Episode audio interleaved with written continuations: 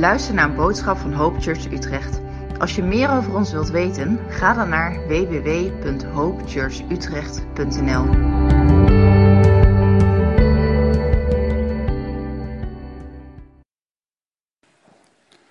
Zo, vandaag gaan we inderdaad verder. Mocht je je Bijbel bij je hebben, dan mag je vast Jezaja 9 opzoeken. Dat, dat mocht geen verrassing zijn. We zijn inderdaad al een paar weken in Jezaja 9 bezig. Met een uh, prekenserie die in adventstijd waar we richting kerst gaan samen. En de adventstijd is de periode dat we leven, dat is vanochtend ook al eigenlijk wel aan bod gekomen, we hebben het afgelopen week al meer gehoord, is dat we met ja, de kaarsen die hier ook staan, dat we onderweg zijn in de periode, in de aanloop naar kerst. In de, in de kerk over het algemeen een hele populaire tijd om die ook te vieren en die ook te gedenken. Ja, en wat zie je in de tijd nu om je heen? Hè? Dat is, uh, je ziet overal de kerstbomen in huis. Ik denk dat een heel aantal van jullie een kerstboom op zal hebben staan. Je ziet ze in de winkels, je ziet ze op de straten staan. En ik, vind het, ik geniet er altijd van, want er is een hoop licht in een periode dat het uh, over het algemeen toch best wel donker is. Ik heb een horloge die laat ochtends vroeg zien hoe laat de zon opgaat. Nou, dat gebeurt tegenwoordig om 8 uur 36. En ik weet niet of jullie daar blij mee maken, maar over 5 uur en 32 minuten is het weer donker. Ja, ja, daar word je depressief van, hè? Ja, dat klopt. Maar gelukkig, het mooie van kerst is altijd dat dat de periode is dat we in een periode toch leven waar we veel licht om ons heen zien. En straks, na die periode, komen we in de depressieve januari. En dan gaan we elkaar allemaal die, uh, die winterdips aan zitten praten, toch? Maar daar gaan we het nu nog niet over hebben. Um, ja, ik geniet dus wel echt van deze tijd. En ja, ze hebben er ook een mooi kerstlied over geschreven. It's the most wonderful time of the year. Er is, um, ik vind het altijd mooi om wat uh, ja, statistieken over kerst op te zoeken, ook dit jaar.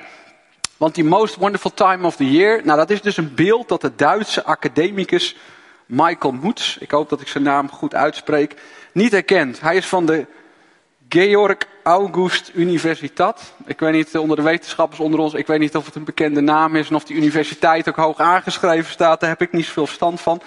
Maar hij zegt, hij heeft een onderzoek gedaan over kerst. En volgens hem lijden miljoenen mensen overal ter wereld juist onder het christelijke feest.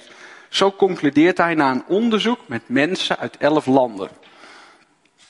Hij zegt, alleen mensen voor wie kerstmis een diepere betekenis heeft, lijken te kunnen genieten van het feest. Zoals christenen bijvoorbeeld. Zij vieren het feest anders dan de grote meerderheid van niet-gelovigen. En, zo gaat hij verder, dat zou volgens de onderzoeker alles te maken hebben met de consumptiemaatschappij. Aangenomen mag worden dat individuen met een christelijke achtergrond minder gevoelig zijn voor consumentisme dat het feest met zich meebrengt. Want zijn conclusie is, religie is zo een beschermende factor tegen de kerstdepressie. Nou, als dat hetgene is wat je vanochtend weet mee te nemen, is dat de kans op een kerstdepressie als kind van Jezus, als je God kent, nou, aanzienlijk minder is. Dat is in ieder geval toch al iets moois om mee te nemen vanochtend. Maar de periode, de periode van Advent, mensen, is een tijd waar wij uitkijken, eigenlijk denk naar twee dingen. We gedenken, dat zo ook met het kaars, en dat kwam ook vanochtend in het gedichtje waar we uh, die Christel voorlas, is dat we gedenken dat Jezus als babytje naar de aarde toe kwam. Jan Willem sprak vorige week over God als de goddelijke held, Jezus als de goddelijke held.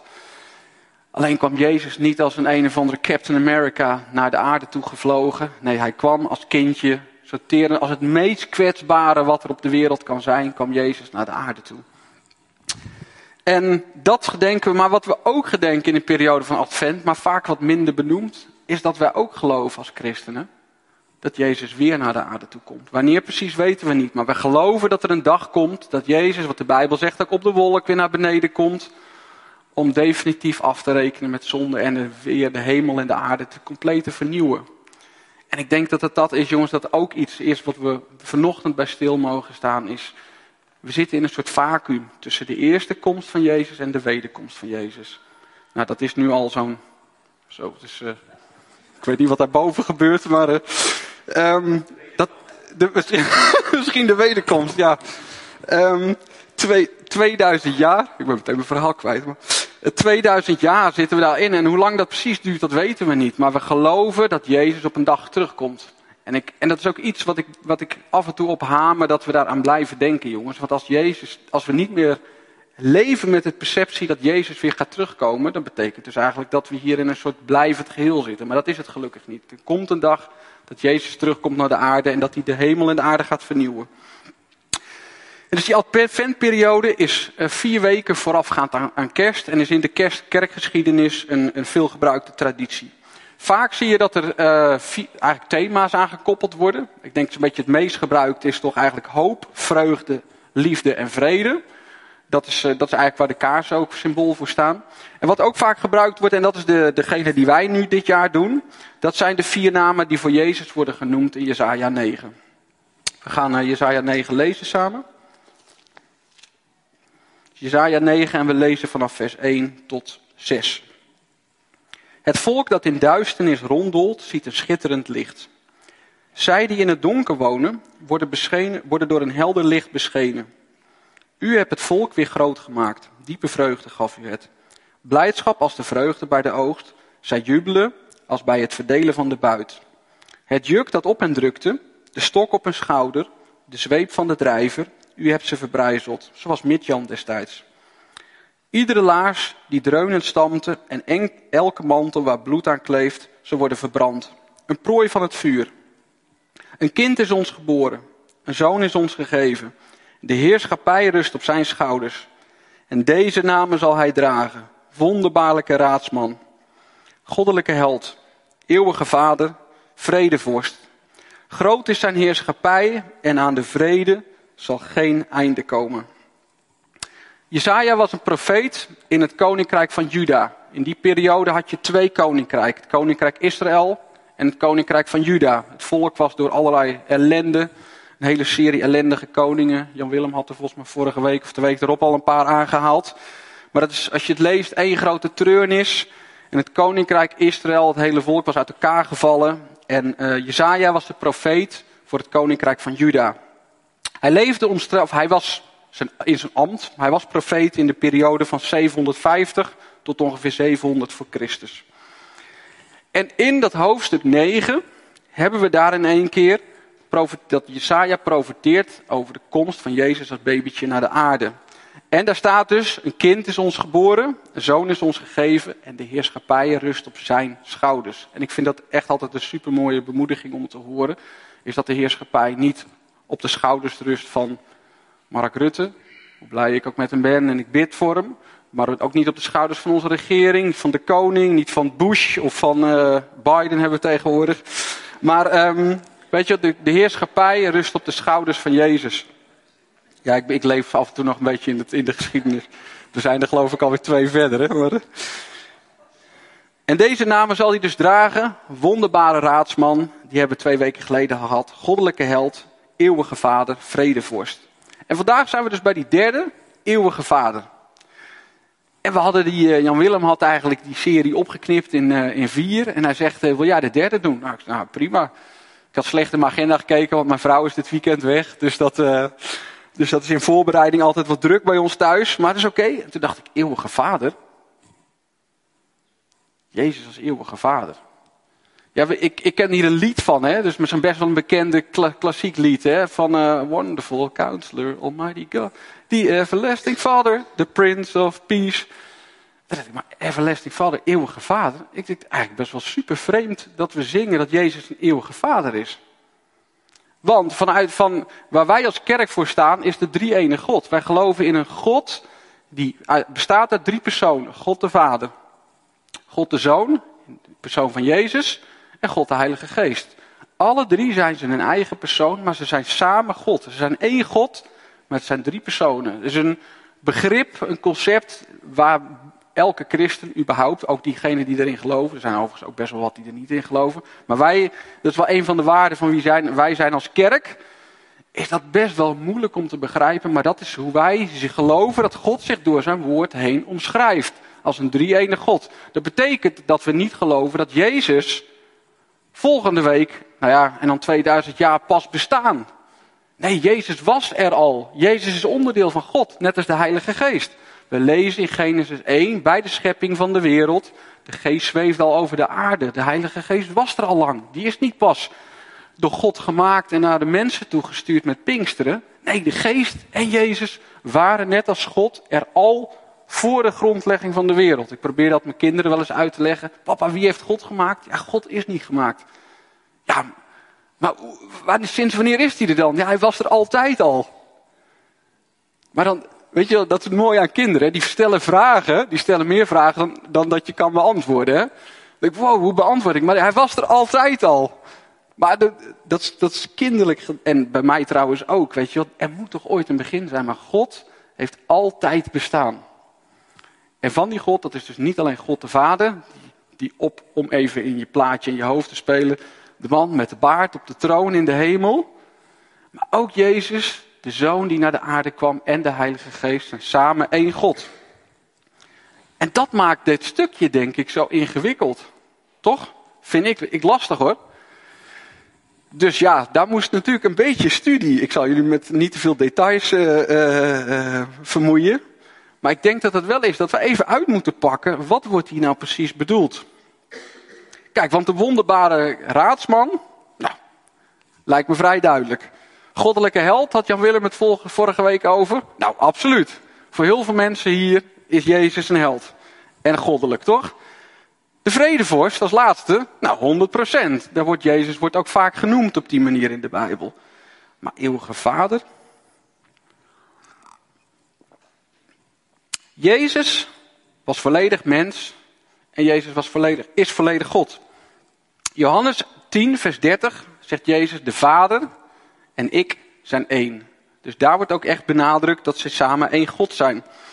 Wat echter hier wordt bedoeld, dat wordt hier, wordt hier algemeen aangenomen door theologen, is dat hier niet zozeer over die drie eenheid wordt gesproken. De HSV-studiebijbel die ik thuis heb staan, die, die, die legt het als volgt uit en dat was voor mij wel echt verhelderend. Het vader in dit stukje in Jezaja 9 houdt in, vaderlijke beschermer. Wat een ideale koning moet zijn en wat God is voor zijn volk. Dus die uitleg is dus, um, vaderlijke beschermer, wat een ideale koning moet zijn en wat wat God is voor zijn volk. Dus het is een vaderlijke rol. Een vader in de zin van een beschermer voor zijn gezin of voor de mensen die hij vertegenwoordigt. Vers 5 begint ook, dus Jezaja 9 vers 5. Een kind, deze namen zal hij dragen, staat er. Maar als je naar de, grappig genoeg, naar de nieuwe, uh, sorry, naar de herziende statenvertaling kijkt, dan staat dat daar net iets anders. Daar staat, deze namen zal hij dragen. Eh, sorry, uh, dat is in die andere. En men noemt zijn naam, staat er in de herziene Dus men. En men noemt zijn naam. En dan zie je dus die vier uh, benamingen. De Engelse vertaling, and he will be called. Het heeft dus hier niet zoveel mee te maken hoe God naar Jezus kijkt.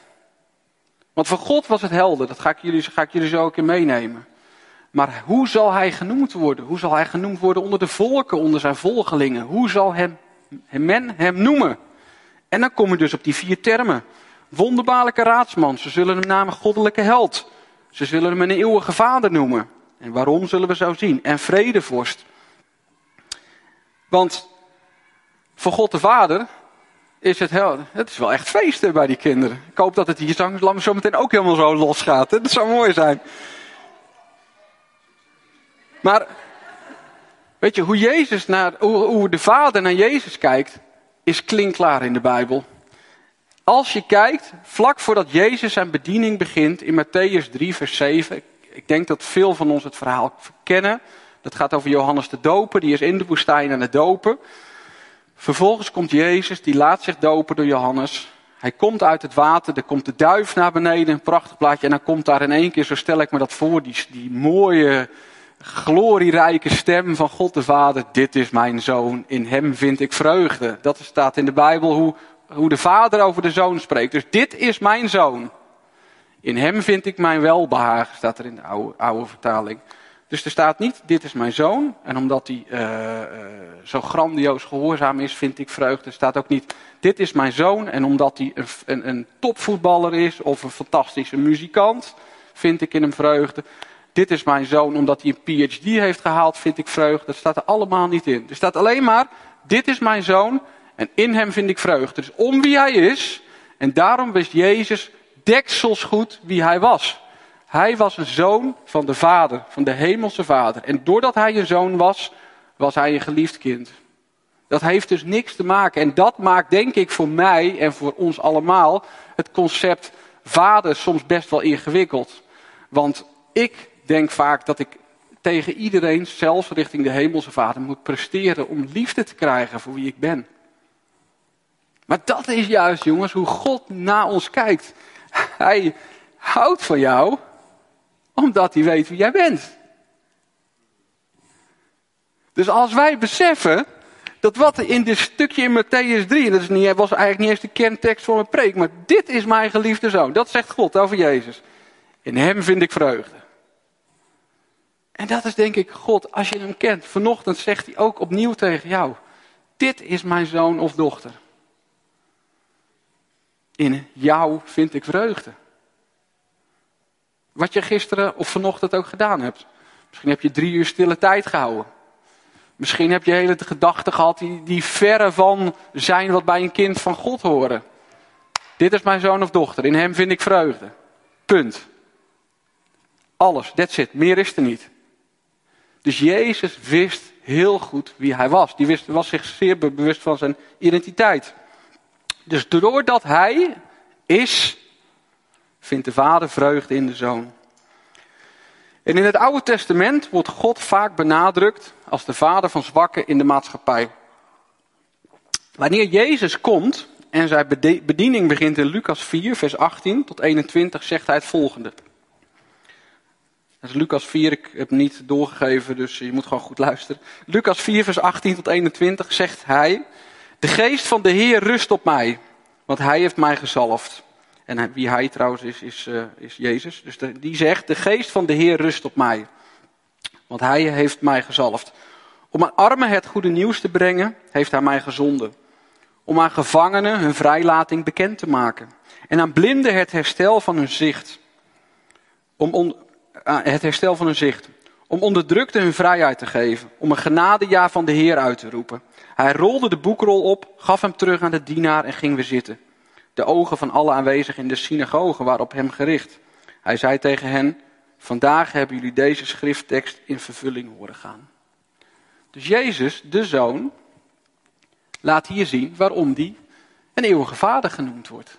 Want wat hier staat, hij, hij haalt trouwens hier in Lucas 4 een tekst uit Jezaja, ook uit Jezaja aan, 61. Dus hij bevestigt daar eigenlijk over zichzelf, ik ben degene van wie de profeet Jezaja zo'n 7, 750 jaar geleden profeteerde dat hij zou gaan komen. Ik ben diegene. En ik kom om armen het goede nieuws te vertellen. En armen is niet alleen financieel arm, maar dat is arm van geest ook. Hè? Om aan blinden het herstel van hun zicht te geven. Onderdrukte vrijheid en om een genadejaar, een jubeljaar uit te roepen. Weet je wel? En dat is iets, en ik denk dat mensen die ouders zijn, of, of mensen die zorg dragen voor anderen, dat zich zullen beseffen, is dat dat een vaderlijke, of een moederlijke ook, maar een vaderlijke rol is. Dat je zorg draagt voor anderen en dat je verantwoordelijkheid neemt voor, voor een leven van een andere. En hier uit deze woorden spreekt denk ik heel erg het radicale vaderhart van Jezus. En als we teruggaan naar onze visie. Wie weet hem nog? Even kijken of je er nog een beetje stop te letten. Visie, driedelig. Kom op, je weet, jij moet toch het eerste stukje weten, of niet? Zijn bij Jezus. Zijn bij Jezus. Worden als Jezus. Doen als Jezus. Heel goed, heel goed. Maar doordat. Sorry? Ja, in zekere zin. Alleen wat onze visie als kerk is, is bestaat uit drie delen. Dat is hoe we hem gedefinieerd hebben onlangs, de nieuwe. Zijn bij Jezus. Dus een gemeenschap bouwen van een relatie met Jezus. Doordat je in zijn aanwezigheid bent. Worden als Jezus. Doordat je bij hem bent. Groeien in het karakter en in het evenbeeld van Jezus. En doen wat hij deed. Dus doordat ik groei, doordat ik word als Jezus, moet ik niet per se evangeliseren of de straat op of mijn collega's vertellen over Jezus, maar groeit er als het goed is een verlangen, zodat ik als een veranderd persoon kan delen wie hij is. Maar door dus bij Jezus te zijn, door in zijn aanwezigheid te zijn, groei ik, groeit mijn hart, groeit mijn karakter in evenbeeld als dat van Jezus. Dus doordat ik groei, wordt mijn hart wordt ook een vaderhart van Jezus. Dit soort dingen die we net gelezen hebben, die groeien ook aan mij, zodat ik daar ook een verlangen heb om dat uit te mogen dragen naar anderen. Psalm 103, vers 13 zegt het volgende. Zo liefdevol als een vader is voor zijn kinderen, zo liefdevol is de Heer voor wie hem vrezen. Dat is nog zo'n prachtige metafoor. Hoe eigenlijk de relatie van God de Vader en Jezus hier vergeleken wordt met de Vader voor zijn kinderen. Alleen één ding mogen we denk ik niet onbenoemd laten. En dat is dat dit continu uitgaat van een ideaalplaatje in een relatie van een vader en een zoon. Of van een ouder en een kind. Alleen, misschien zit je hier wel vanochtend. En is juist die metafoor van oude-kind, van vader-zoon, vader-kind relatie, is juist een hele ingewikkelde, omdat het schuurt. Omdat je misschien helemaal geen goed voorbeeld hebt gehad van hoe een vader voor zijn kinderen er zou moeten zijn. Ik uh, probeerde wat statistieken op te zoeken in Nederland, alleen dat bleek, dat viel niet mee. Ik vond wel echt best wel een uitgebreid onderzoek van de Verenigde Staten. Dus die is niet één op één te plakken. Sterker nog, misschien wel voor een groot deel helemaal niet. Maar voor vaders in de Verenigde Staten er was een echt een heel uitgebreid onderzoek gehad voor een onderzoeksbureau. En daar kwam eigenlijk volgende conclusies kwamen daaruit. 90% van de daklozen slash weggelopen mensen komt uit een gezin zonder vader. 85% van kinderen met gedragsproblemen komt uit een gezin zonder vader. En dan zonder vader in dit geval is dus of fysiek helemaal afwezig, dus gewoon helemaal niet ten. Maar het kan ook zijn dat het een vader was die er dus soort van wel was, maar zijn vaderrol in ieder geval nul invulling gaf. Zo moet je hem lezen. 63% van de jongeren die zelfmoord pleegt, komt uit een gezin zonder vader. 63%. 71% van de tieners die vroeger zwanger raken, komt uit een gezin zonder vader. 85% van de jongeren die in de gevangenis zitten, komt uit een gezin zonder vader. Kinderen uit een gezin zonder vader hebben vier keer grotere kans om in armoede te leven. Kinderen uit een gezin zonder vader hebben tien keer grotere kans om drugs te gaan gebruiken. Kinderen uit een gezin zonder vader zijn veertien keer vaker verkrachters. En overigens zegt dit helemaal niks over het belang van een moeder. Want ja, daar hebben ze wijselijk helemaal geen onderzoek naar gedaan. Want dan worden de statistieken helemaal dramatisch. Want uh, ik weet zeker als ik naar ons kijk. De vrouwen nemen sowieso in de praktijk denk ik vaker meer verantwoordelijkheid dan vaders. Maar uh, uh, ik denk dat als een moeder er niet zou zijn, dat ze dat niet eens durven te onderzoeken. Maar um, ik kwam laatst een documentaire tegen op Netflix. Zo heel sporadisch staan er echt pareltjes tussen. En is er iemand toevallig die Show Me the Father heeft gezien? Film? Niet heel goed. Mooi, dat komt goed uit. Ik wil daar heel graag een stukje van laten zien. Als het goed is, heeft Koen hem klaarstaan. En voordat die aangezet gaat worden, Show Me the Father is een uh, christelijke documentaire. Die eigenlijk laat zien uh, die, die, koppelt eigenlijk vaderhart van God aan voorbeelden van mensen uit de praktijk die, uh, ja, die daar of uh, iets mee hebben gedaan, juist de negatieve kant van hebben meegemaakt, maar ook juist echt een visie hebben op wat, wat een vader vandaag de dag eigenlijk zou moeten zijn. En dan wil ik graag een stukje, het is maar een anderhalve minuut of zo, dus hij mag aankomen.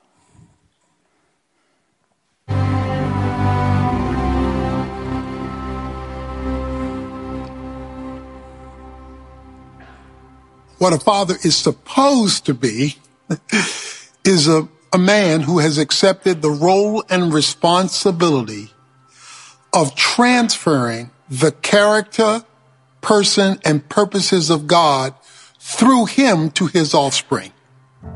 A father is the founder. We talk about founding fathers. The word father means source from which other things come. It can also mean chief or leader.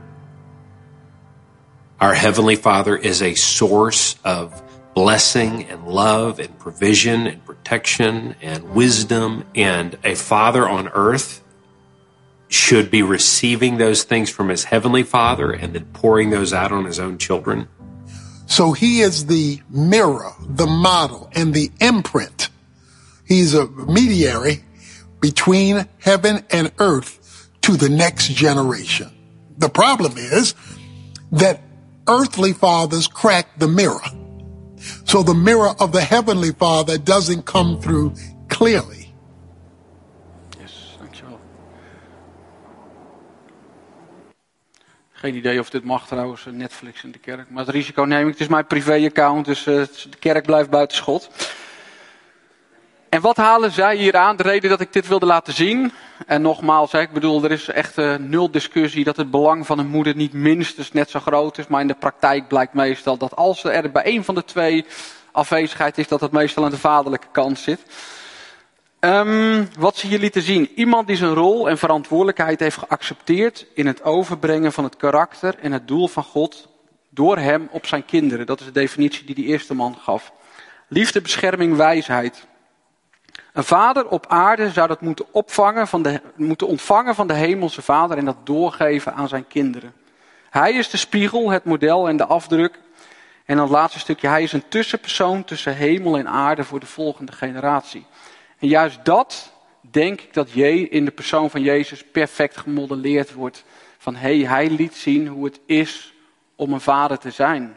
En juist dat geeft mij voor mijzelf als, als vader, of misschien voor jou als moeder hoop ik ook als je hier zit. Misschien ooit nog, hè, maar dan, dan nog. Misschien zijn er mensen waar je voor zorgt in je leven. Waar je misschien niet een biologische vader of moeder voor bent, maar dat je zorg draagt voor anderen. Dat dat juist zoiets moois is dat Jezus liet zien wat die eeuwige vaderrol die hij heeft opgenomen mag betekenen voor de mensen om jou heen.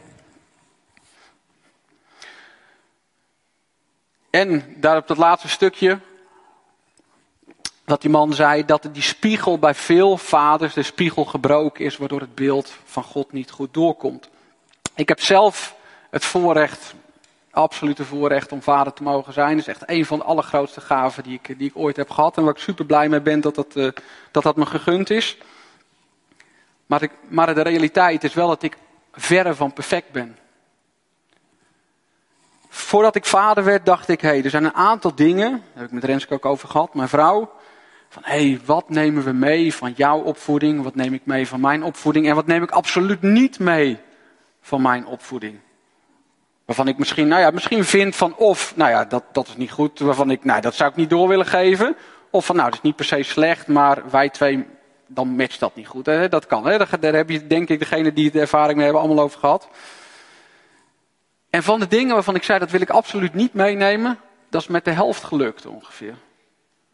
En dat denk ik overigens dat ik nog een beetje bluff ook, want ik denk niet eens dat dat met de helft gelukt is. En het typische is dat bepaalde patronen van mijn jeugd zo diep ingesleten zitten. Dat terwijl hoe hard ik erop hamer om dingen niet door te geven, ik in mijn kinderen dingen zie die ik doorgeef, waarvan ik weet dat dat niet van onze hemelse vader is gekomen. Maar dat komt omdat ik imperfect ben. En juist daarom ben ik ook blij dat Jezus, in die persoon van Jezus, daar als een genadig God is. Hij is aan dat kruis gegaan voor mij. Hij heeft die genade aan mij geschonken zodat ik ook genadig richting mezelf kan zijn. Want regelmatig met mijn kinderen moet ik zeggen dat ik jongens ga eens even op de bank zitten. Ik had ik gefrustreerd gereageerd. Dan moet ik eerlijk naar ze zijn, jongens. Het spijt me hoe ik net gereageerd heb. Kom bij mij, misschien ben ik de enige hoor, maar regelmatig dat ik mijn kinderen bij elkaar moet roepen. Jongens, ik heb dat niet goed aangepakt. Het spijt me. En juist voor mij is het dan zo'n bemoediging dat ik kan kijken naar Jezus. Om te zien, Heer, wilt u me laten groeien tot een betere ouder, tot een betere vader. Hij is voor mij het allergrootste voorbeeld hoe ik kan groeien in ouderschap.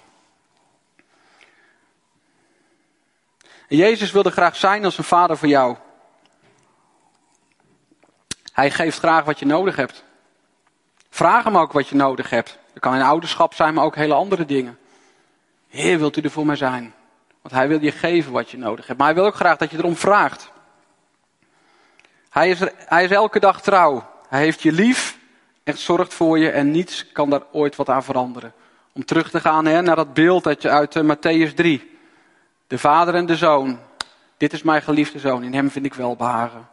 Dus ook als je er een troep van hebt gemaakt, is dat nog steeds. Jij bent mijn geliefde kind, in jou vind ik wel behagen.